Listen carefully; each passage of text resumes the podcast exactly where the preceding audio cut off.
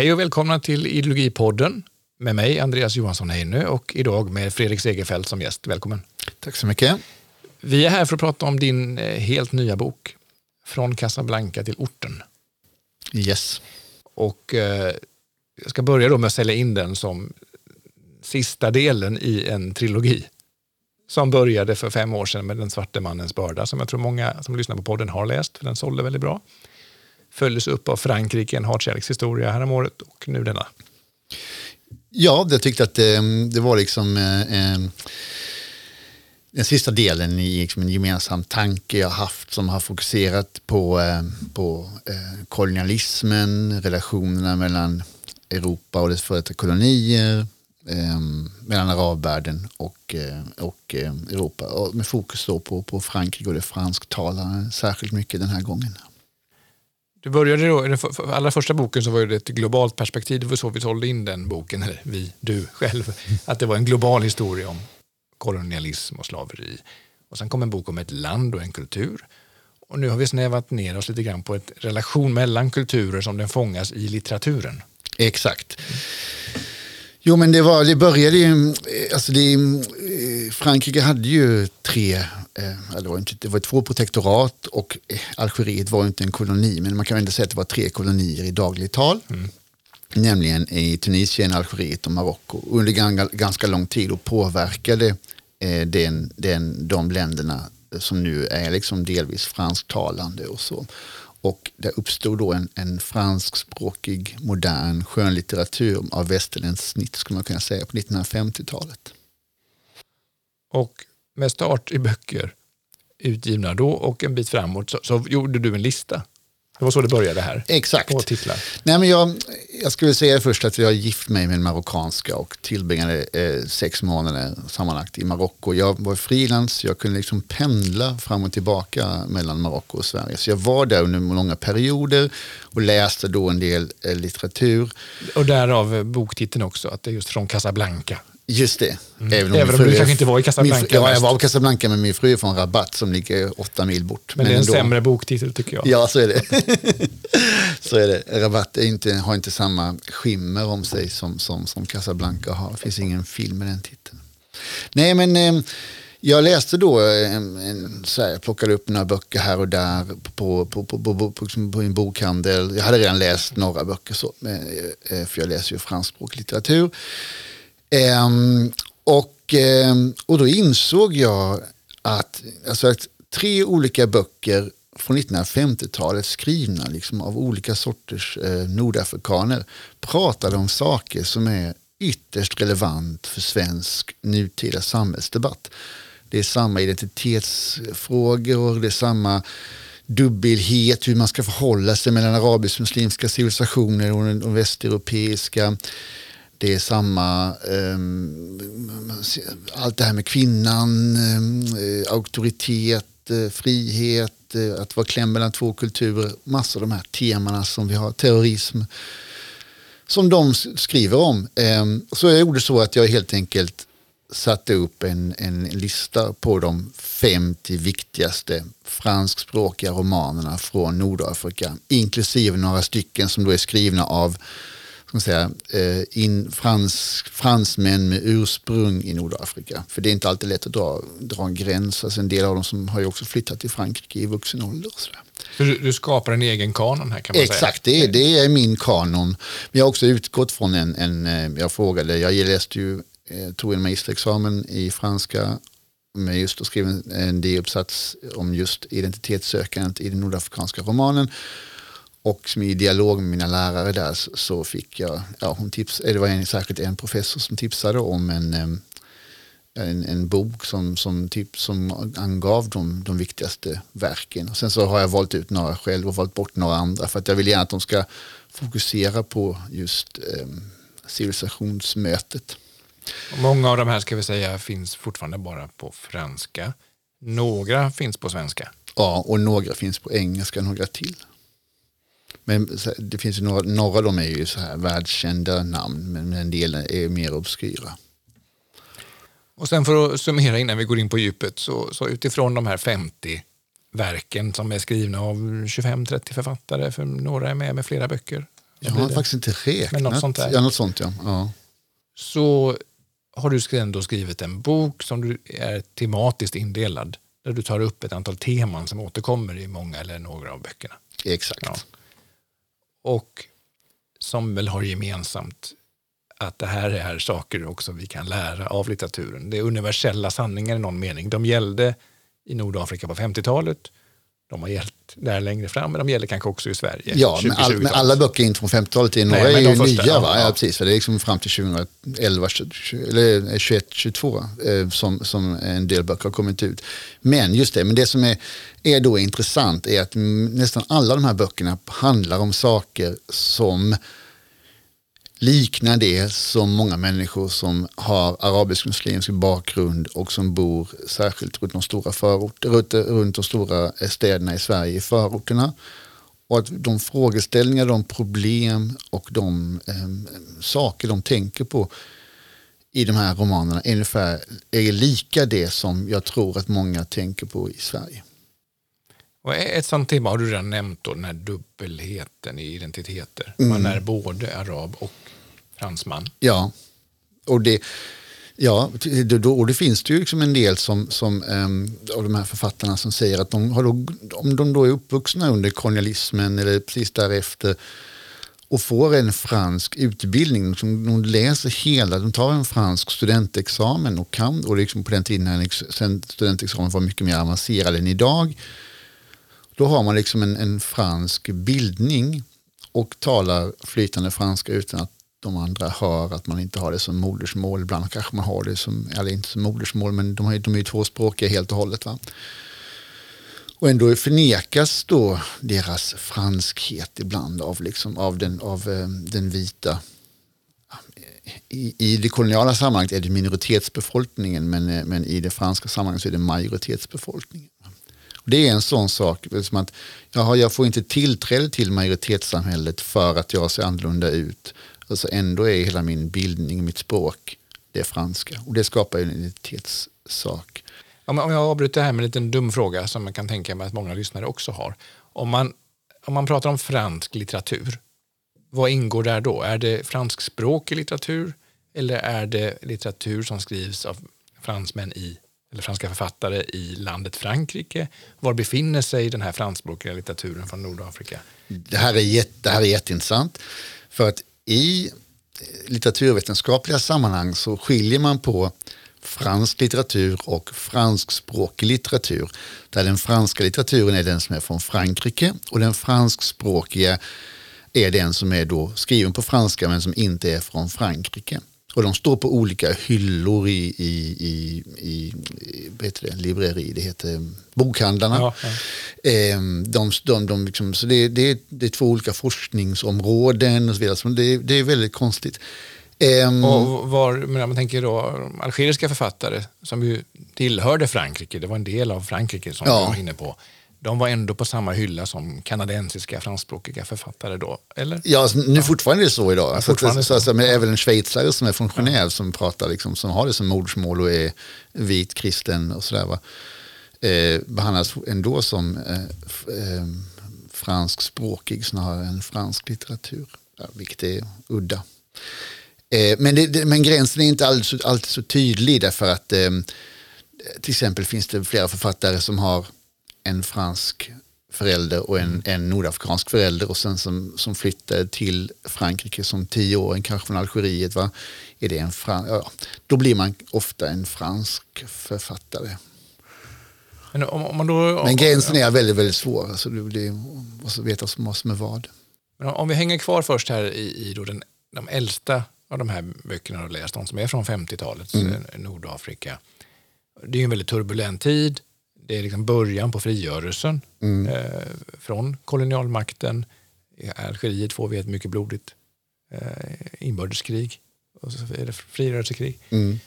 Eh, och det är en verklighet som ändå skiljer sig en del från Sverige idag. Verkligen. Ja, men du hittar mycket likheter ändå säger du. Jo men där, ja. där, det var, det var liksom den första upptäckten jag gjorde. Jag läste liksom då eh,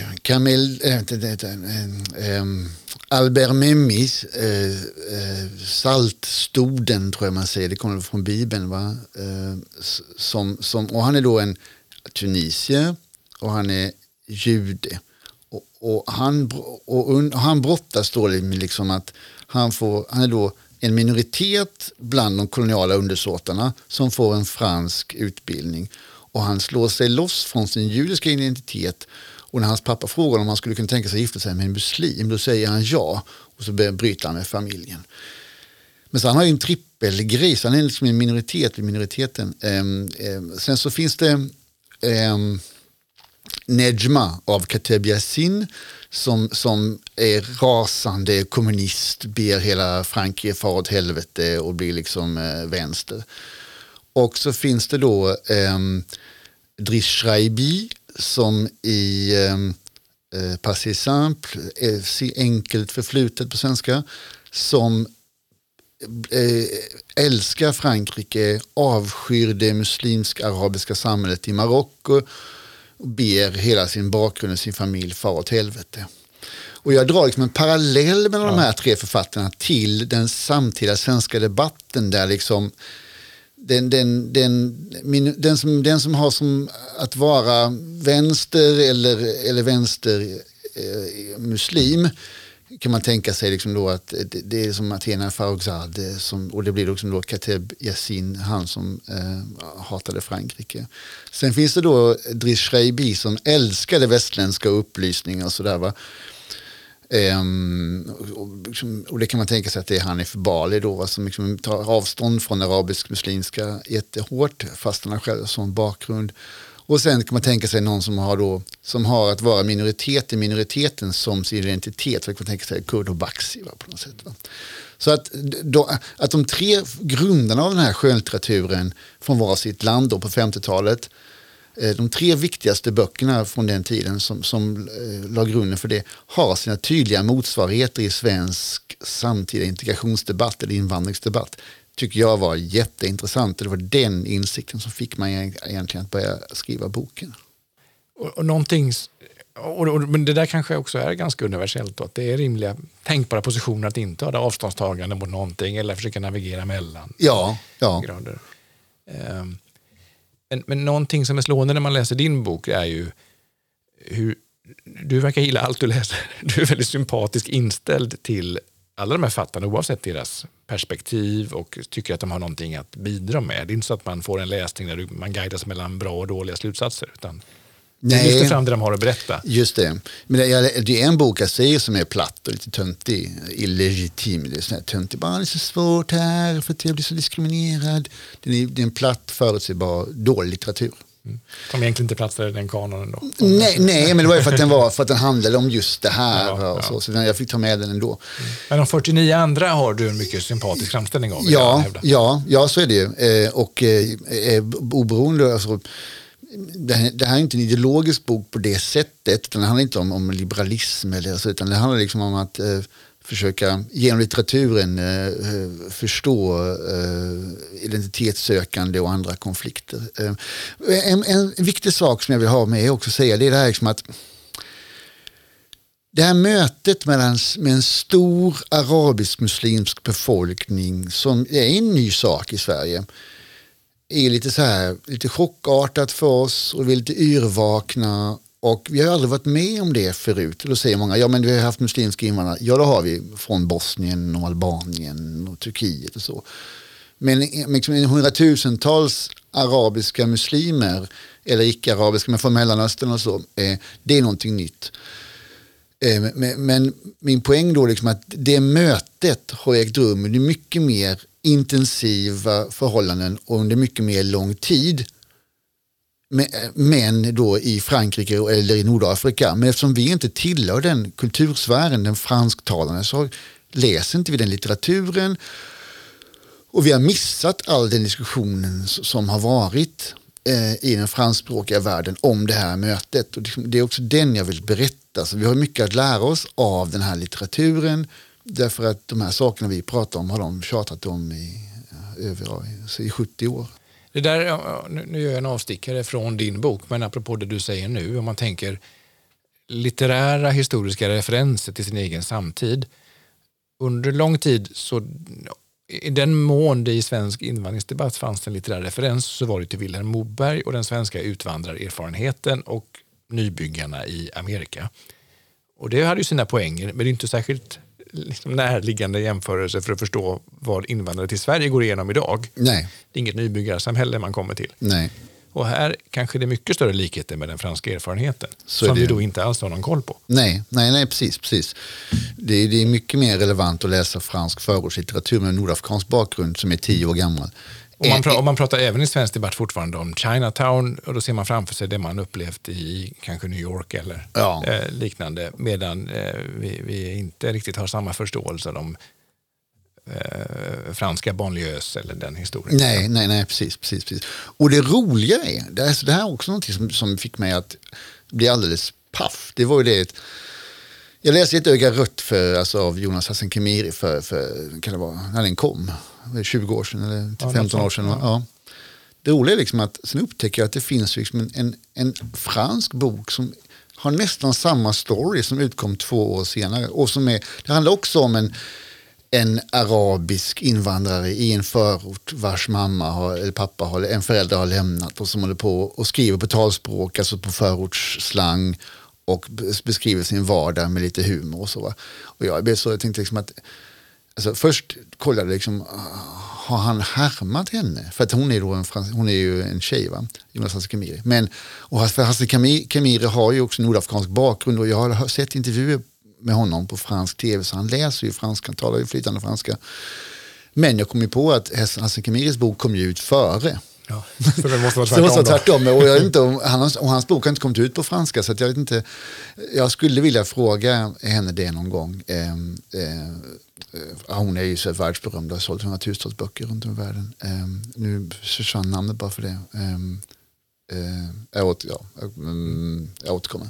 Men en annan jämförelse här med, med Frankrike och Sverige är ju att Frankrike har ju aldrig haft en mångkulturell politik utan har ju vidhållit sitt assimilationsideal. Eh, om du ska bli fransk medborgare får du gå på en assimilationsintervju som avslutning där du blir bedömd av hur assimilerad du är i den franska kulturen och sådär. Eh, hur märks det i relationen för den här i litteraturen av att närma sig det franska? Det borde ändå vara en skillnad mot det svenska som inte har den sortens definierad eh, svenskhetsidé. Det är därför vi har den här trevande debatten nu kanske. Att Ja, Vad man än tycker om det så. jo, men en frans, man skulle ju aldrig säga att det finns något som heter fransk kultur. Nej. Redan där är du diskvalificerad. Ja, jo men, men, jag, jag gillar inte den här franska... ehm, Nej, då har du skrivit en annan bok om Ja, eh, den eh, detta, auktoritär liksom. och sådär. Ja. Eh, ehm, Men det kanske gör att litteraturen har någonting att mycket för handfast att relatera till. Ingen tvekan om vad som anses vara Nej. eh, högst upp i hierarkin. Nej, precis. Eh, Som trösklarna in i detta. Och så. ja. det blir en... och, den här, och, att, och att de, här, de fick den här, um, de fick den här, särskilt de tidiga då, de som blev, ehm, de som fick, de nordafrikaner som under och precis efter eh, kolonialtiden fick en fransk utbildning fick också lära sig att beundra den västerländska civilisationen så som särskilt som den tar sig uttryck då i Frankrike. För, att, för fransmän så är den västerländska civilisationen och Frank, den franska civilisationen samma sak. Eh, eh, därför att liksom, upplysningen och eller, alltså, mänskliga rättigheter och republikanism och alla såna här saker. Ehm, Jo men så det, det, det, det, blir, det, det finns ju en sån här en, en, en beundran och sen så är det den här, den, de känner ju då många av de här författarna att de inte får vara med ändå för att de heter konstiga saker och sådär. Och det är ju svårt för dem. För det, det, det, det, är- svårt att tänka sig, ett, det finns tyvärr fler exempel, men det är i alla fall ett väldigt tydligt exempel på ett statligt hyckleri när den franska staten för sitt krig i Algeriet och säger sig stå för universella värden och Ja. mänskliga rättigheter, humanismen och samtidigt så behandlar man miljoner människor som andra tredjehandens Ja. värda. Va? Ja. Det, det, det skapar en oerhörd diskrepans här. Att Verkligen. vad är det för kultur vi eftersträvar?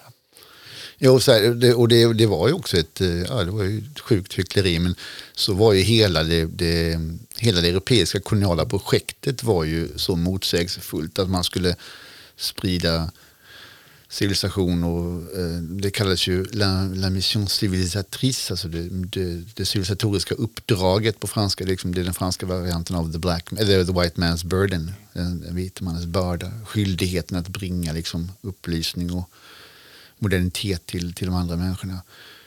Men det gjorde man ju samtidigt som man begick folkmord, vilket, vilket var lite konstigt tycker jag. Eh, men eh, ja, mm. Ett annat tema som ju hänger ihop med detta. eh, Och, Men jag ska bara säga Ja, det också, förlåt, det här är en viktig sak eh, som, som, som eh, jag, jag vill ändå markera den skillnaden mellan Sverige och Mellanöstern och Frankrike och Nordafrika. Det är inte samma sak att som en syrier komma till Sverige som det är för en algerier att flytta till Frankrike. Nej. Sverige har aldrig invaderat Syrien. Vi har aldrig, man pratar inte svenska på gatorna i Syrien. Vi har aldrig krävt att, att liksom vara deras eh, överhöghet och så vidare. Så att bandet mellan eh, Sverige och länder som Irak och Syrien är ju mycket, mycket, mycket svagare än vad bandet mellan Frankrike och, eh, och Nordafrika är. Och kunskaperna är ju mycket, mycket sämre i Sverige om länderna i Mellanöstern än vad kunskaperna i Frankrike är om och Nordafrika. Så att integrationsproblemen eh, blir ju större, skillnaden är större. Hur, eh, apropå det, hur känd är den här litteraturen och den franskspråkiga litteraturen i Frankrike? Du pratade om den här skillnaden förut mellan det franska och franskspråkiga. Jo, men alltså det här är ju, eh, Leila Slimani fick ju det finaste priset i, i um, men hon betraktas också en del eh, nordafrikaner som en fransk författare. Så jag träffade en, en, en marockansk professor som bara avfärdade henne helt och hållet. Hon är också På Macron. grund av att hon var fransk? Ja, för hon är, liksom, hon är så från en fransktalande familj och så. Men jag menar, eh, hon är ju marockanska, uppvuxen i Marocko. Eh, eh, Kamel Daoud är ju krönikör i Le Point och en liksom, återkommande på, på, på, med i tv. Eh, eh, Yasmina Khadra är, alltså, är ju en av de mest säljande författarna i världen. Och de blir ju prisbelönta och är med hela tiden och deras böcker eh, diskuteras. Även om då de då betraktas ofta som nordafrikanska författare. Ett återkommande tema i de här böckerna och i debatten är ju kvinnans ställning i kulturen i samhället. Mm. Och här påminner du också om att det här är inga nya frågor. Det som Nej. diskuteras här och nu finns med redan från 50-talet och framåt. Ja, ja, ja, jag menar eh, Driss Schreiby i sin, i sin bok eh, Passé Simple är ju oerhört kritisk. Eh, alltså hur eh, kvinnor behandlas som... Hans mamma blir liksom, hon tar ju livet av sig till slut för att det är så fruktansvärt. Va? Och hon blir våldtagen och misshandlad. Och får liksom, de är ju som slavar, de är som mäns egendom. Och det är oerhört upprörande. Det är ett återkommande tema, särskilt hos kvinnliga författare som, som, eh, som beskriver det här på ett väldigt... Det finns bland annat en bok uh, um, som handlar om en, um, en, en tjej i Algeriet som, och det här är Nina Bouraoui och hon är liksom verkligen en sån upplyft litterär författare som, som betraktas som en fransk författarinna skulle jag säga. För att hon, men, men eh, hon är fortfarande, eh, har haft en algerisk pappa och är uppvuxen eh, i Algeriet. Och eh, det finns en berättelse då om en tjej som har, blir, blir könsmogen och blir inlåst i ett rum och eh, misshandlad. Eh, eh, sitter bara där och väntar på att hon ska bli bortgift. Och det är hennes liv att sitta där och vänta. Och liksom, pappan är strikt religiös och tycker hon är smuts. Och eh, hon ska bara, alltså man kan inte ha liksom en ogift kvinna som har fått mens i sitt hem. Liksom. Utan det låser in henne tills hon ska bli, ges bort till en man som hon aldrig har träffat. Och det finns andra berättelser om när liksom, eh, tjejer som leker. Och, så- och så helt plötsligt blir de liksom blir, alla ger dem uppmärksamhet, tvättar dem fina, klär dem i fina kläder och sådär. Va? Det är ju 12 år och så ska de ja, giftas bort. Ehm, så, Det kanske är det mörkaste kapitlet i din bok. Ja, ja jag, tyck, jag tycker att eh, det och sen så eh, synen på sex är också tycker jag eh, sjuk och jobbig. Eh, det finns det är liksom roligt för det finns en, en bok eh, som heter Mandeln som är skriven av pseudonymen Nejma. Som då råkar vara titeln på Kateb Yassins eh, debutroman och den som grundlade hela litteraturen. Men som också representerar eh, den nordafrikanska kvinnan. Och det är helt enkelt en erotisk roman. Eh, en kvinna som, som, som flyr från sitt dåliga äktenskap till sin, till sin faster i storstad och sen upplever en väldigt stark erotisk relation med en äldre man som är, har psykiska problem, alkoholist, libertin, alltså han ligger runt och, och sen bryter. Men deras, deras sexliv då beskrivs väldigt, väldigt, väldigt eh, ja, i väldigt tydliga ordalag på ett sätt som är chockerande för den miljön. Och det är då skrivet av en pseudonym, man vet fortfarande inte vem det är. Så det, ja, det var ganska intressant. Och samma sak finns det då ett antal, åtminstone tre författare som skriver om detta ur ett homosex, om sin homosexualitet ur ett litterärt perspektiv. Som jag också tycker är... Det är Adela Tahia som är liksom ändå översatt till svenska och recenseras på kultursidan här i Sverige. Som, som skriver om detta och, eh, och eh, då Nina Boroui sin Garçon Manqué, eh, pojkflickan, som också diskuterar hur det är att vara homosexuell i, i den här miljön. Hur många av de här böckerna har censurerats i Tunisien, Marocko, Algeriet? Jättemånga. Um, det, ja, de är också hycklande. Men alltså det är flera som har varit förbjudna i olika perioder. Um, och det är det alltså- just på grund av eh, liksom, skildringar av sex eller är det på det politiska? Både och. Men det, det, ja, det finns en författare, eh, Rashid Boujedra, som är algerisk kommunist. Han blev så framgångsrik i Frankrike så de, de, de kunde inte hålla på och, och censurera honom längre. Så de lät honom liksom um, men jag visste, det blir jättemånga av de här som blir censurerade hela tiden. Eh, den här Driss Schreibi som är liksom kanske den, den bästa marockanska romanen som någonsin har skrivits. Den var, det var förbjuden fram till för, inte 15 år sedan. Och sånt där. Mm. men har för, ändå spridits liksom? Ja men, ja, ja, men, också i västvärlden. Det sjuka är att de läser inte så mycket böcker i de här länderna. Det är därför det är, liksom, det, det, det, de har, det är dyrt med böcker. Ehm, de är så ofta ute av franska förlag. Och ehm, så många av dem ehm, med sitt, med, gör så här att de förhandlar med sina förlag om att ha rättigheterna i sina hemländer själva för att kunna ge ut dem med billigare pris. För att folk ska ha råd med dem. För de är, det här är ju fattiga länder där, man, där en bok skulle kosta kanske motsvarande 700-800 spänn för oss. Liksom. Det är, en, det är en helt annan verklighet. Ja. Vi har, vår blick är ju nu väldigt mycket mot Europa och ja. det franska mottagandet. Ja. Och vi kan generalisera, men det är intressant också på Nej. andra hållet. Men de, de, alltså det är inte en särskilt eh, läsande kultur. Eh, många är fortfarande analfabeter. Eh, man har inte en sån, eh, man har inte en sån kultur. Men det, men det, det lustiga är liksom då att hur har liksom ändå minst två av de som jag har skrivit om har ju, var, har ju nämnts i Nobelprissammanhang. Alltså det, och det, här liksom, det är ju stora, tunga, globala författare. Tar Benjeloun och... Eh, ja. Sitter du och eh, hoppas varje november, ja, eller varje oktober? När. Ja, men just nu ser jag inte vem det skulle vara. Tar Benjeloun är gammal, han skulle kunna få det fortfarande. Men det var ju ett par år sedan han nämndes nu. Men jag hoppas på Leila Slimani, men, men uh, hon kanske är för ung. Nu blev det ju franskt nyss också, så det kanske kvoten är fylld. Ja, just det. Just det. De har också flest, eh, flest. Men det är roligare om det är någon som skriver franska men som inte är från, från, från Frankrike såklart. För då, det är en, man tänkte ju inte på när han, eh, när han senast eh, från, från Zanzibar, det är ingen som kallar honom för en brittisk författare bara för att han skriver på engelska. Vad har vi fler för teman i boken som du tycker är värd då? och lyfte upp som eh, för dig var aha-upplevelser? Jag tyckte den här känslan av förnedring var, mm. var, var intressant. Därför att jag tänkte ofta på att när, vi, när jag själv har skrivit om, om kolonialismen och dess våld och förtryck och så, så är, och när vi håller på med sånt här så är det ju alltid, när man, alltså, vad som är det, det mest fruktansvärda som har hänt i mänsklighetens historia, då tänker man så här, liksom, ja, det amerikanska slaveriet, liksom, då är, liksom, det är det piskan, va? kedjorna. Vi tänker på förintelsen, då är det gaskamrar och sådär. Men, men det som litteraturen gjorde för mig var att den hade så många fina beskrivningar av vardagsförnedring. Som, där man liksom tar ifrån människor deras värdighet.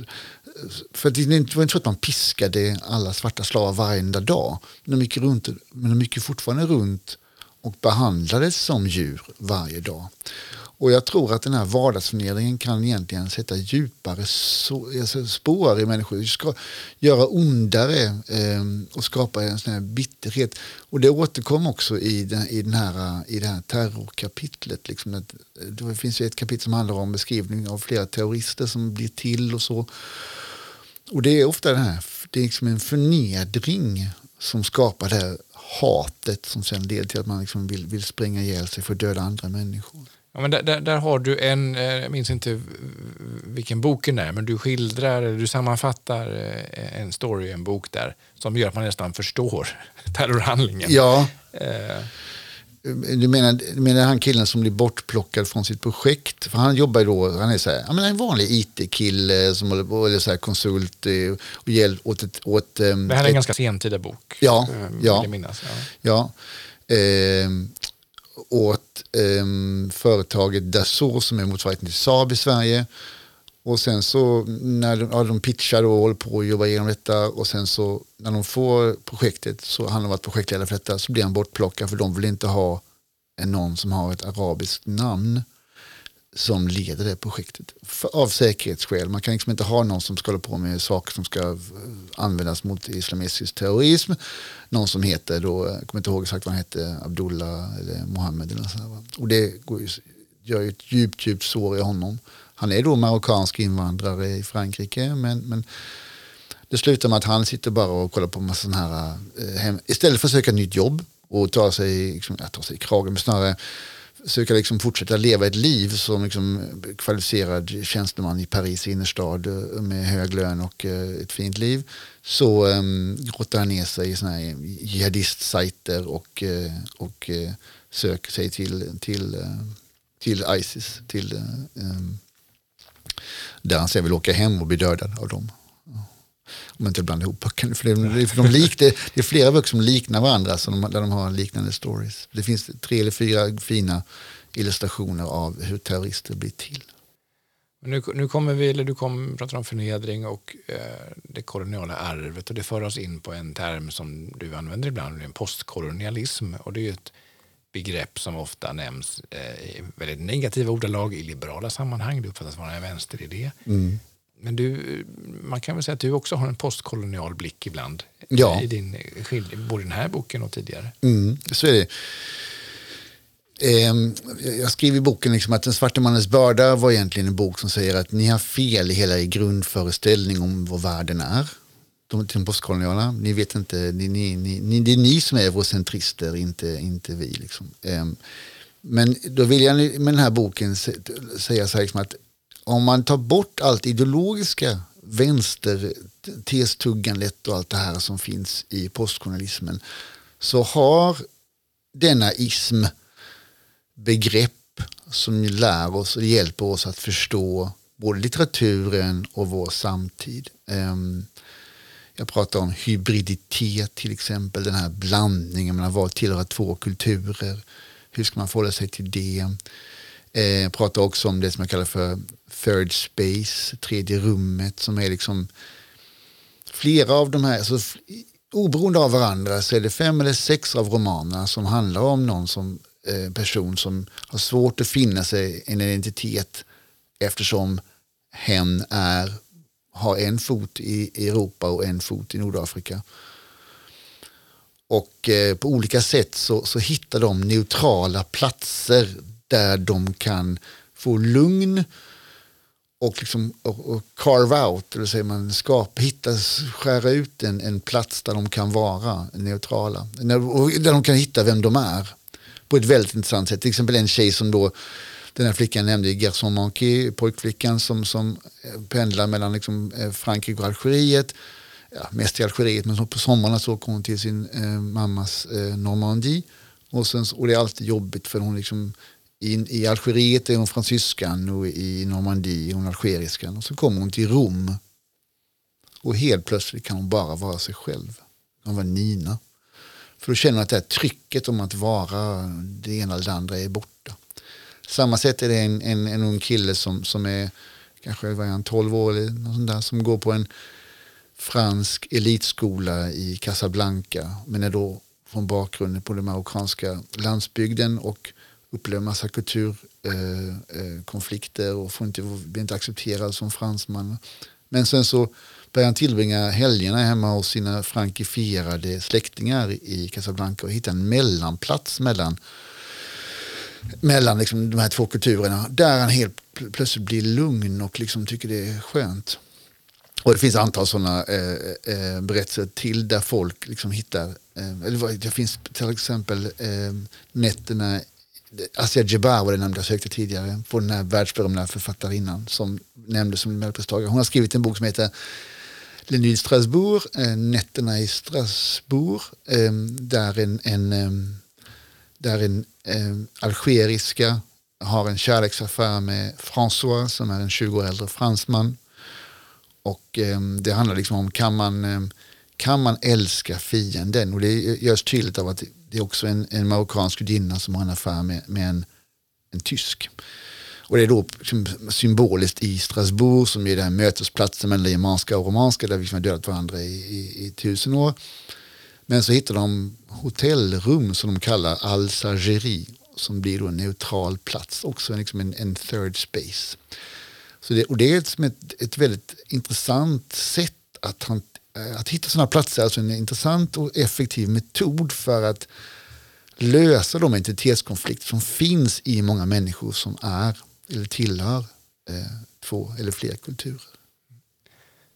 Till sist, eh, det här är ju inte en politisk bok du har skrivit, den handlar ju om politik delvis, det vill säga hur politik begränsar människor och så vidare. Men, men om man ändå ska försöka ta med sig någonting härifrån och då tänker jag så här att nu har vi en liksom offentlig diskussion sedan 10-15 år tillbaka som är mer och mer besatt av identitetsfrågor och i Sverige då av svenskhet och vem är svensk och vem passar in och så vidare.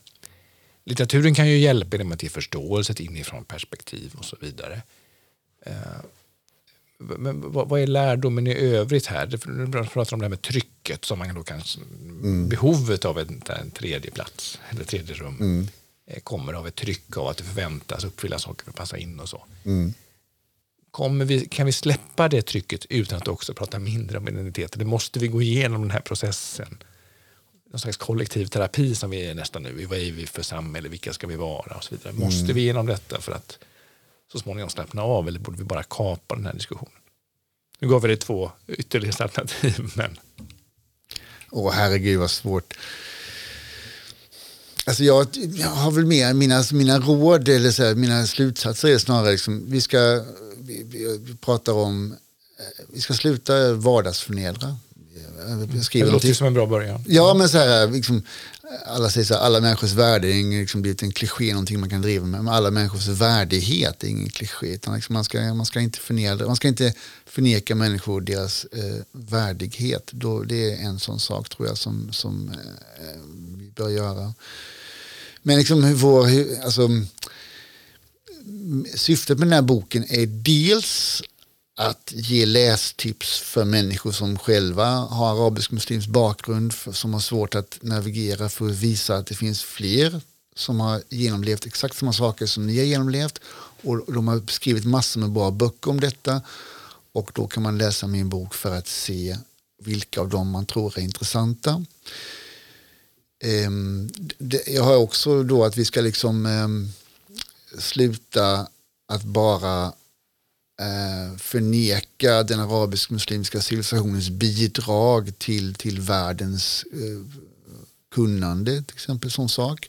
Varför ignorerar vi liksom att många av de här framstegen som vi har gjort hade, gjorde araberna eller muslimerna 500 år tidigare? Eh, men också som för de svenskar som är intresserade av de här frågorna så kan man eh, lära sig och läsa boken för att se att oj då, oj då, har, har de, Jaha, de tänker så. Jaha, har de, det här har man redan diskuterat för 50 år sedan om samma tema. Jaha.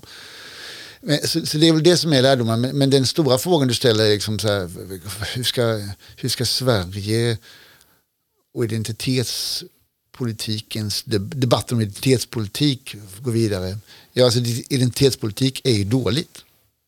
Därför att, liksom, därför att jag tror ju på generella värden och, och, och, såna, och liksom, Um, det, För jag tänker, eh, om jag själv ska ge ett svar. Ja, ja, ja. ja, på, så tänker jag att en, en, eh, och det kanske bara bekräftar min världsbild, men jag tycker det är så uppenbart när jag läser din bok och de här många exemplen, är att det är ju så dumt att tro att någon kommer kunna bli en del av en ny kollektiv gemenskap om man avkrävs att förneka sitt ursprung eller liksom tona ner sin befintliga identitet. Just, alltså just det. Om man ställs inför det valet då skapar vi en massa konflikter, schismer, spänningar. Ja. Så på något sätt så, så måste vi ju genom att läsa och lära av andra förstå att det måste finnas flera vägar in i ett samhälle. Just att du inte ska behöva göra avkall på vare sig din identitet, eller religion eller kultur. Nej. Det är inte samma sak som att vi ska ha, vill jag för känsliga lyssnare säga, det är inte samma sak som att vi ska ha särrättigheter. Det är samma lag för alla. Så är det ju. Men eh, din identitet vem du är som människa måste du få ha för dig själv. Ja, men så är det. Det är helt uppenbart. Eh, Jag, jag tror liksom att ehm, det, det, man kan dra en parallell till det här med språkfrågan. Där liksom, som man för 40 eller 50 år sedan, där man sa att man, man kan bara lära sig ett språk i taget och sådär. va. Um, nu ska vi betona svenskan och sådär, men jag menar att, att förneka barnen föräldrarnas modersmål eh, eh, tror jag är en dålig sak. Eh, Det visar flera, en, en, en av böckerna handlar bara om det. Som Jag talar inte min pappas språk. Hon ältar och ältar och ältar detta. Men på samma sätt så- eh, är det jättedumt att säga att, ja, att förneka någon föräldrarnas kultur. Det, det innebär ju inte liksom att, att man ska ha rätt att eh, inte följa lagen eller att man ska liksom, ja men eh, vi ska inte ha eh, eh parallelldomstolar och sådär. Men jag menar att man liksom eh, att man, inte, att man, att man fastar en månad, ja so what? So what? Jag menar, vi har inte, jag menar, vi har en tro på att, att, att vi i vårt majoritetssamhälle inte har olika, vi har haft eh, massa olika tros, trosformer här och människor som, vi har Jehovas vittnen och menar, vi har massa olika saker. Allt det här. Så jag, nej, jag tycker det här är en eh, jättekonstig sak som är att man ska liksom tvinga in människor. Man behöver inte fira midsommar om man inte vill och ändå vara svensk medborgare. Där eh, sätter vi punkt för det här samtalet eh, med Fredrik Segerfeldt. Från Casablanca till orten heter boken. Den kommer ni gilla. Eller ska du allra efter min punkt bara få ge ett, ett, en bok får du säga som du skriver om, som du, den som redan nu vill skaffa någon av de här och läsa. Jo, den, den bästa boken tycker jag är Leila Slimanis De andras land. Och den finns på svenska. Ja, Ja. Då fick ni det tipset också. Tack så mycket för att ni har lyssnat. Vi hörs igen. hej då.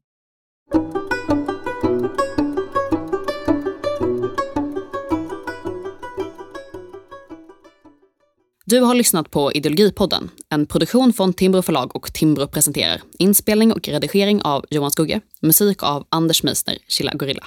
Du hittar den här och alla våra andra poddar på timbro.se podcast.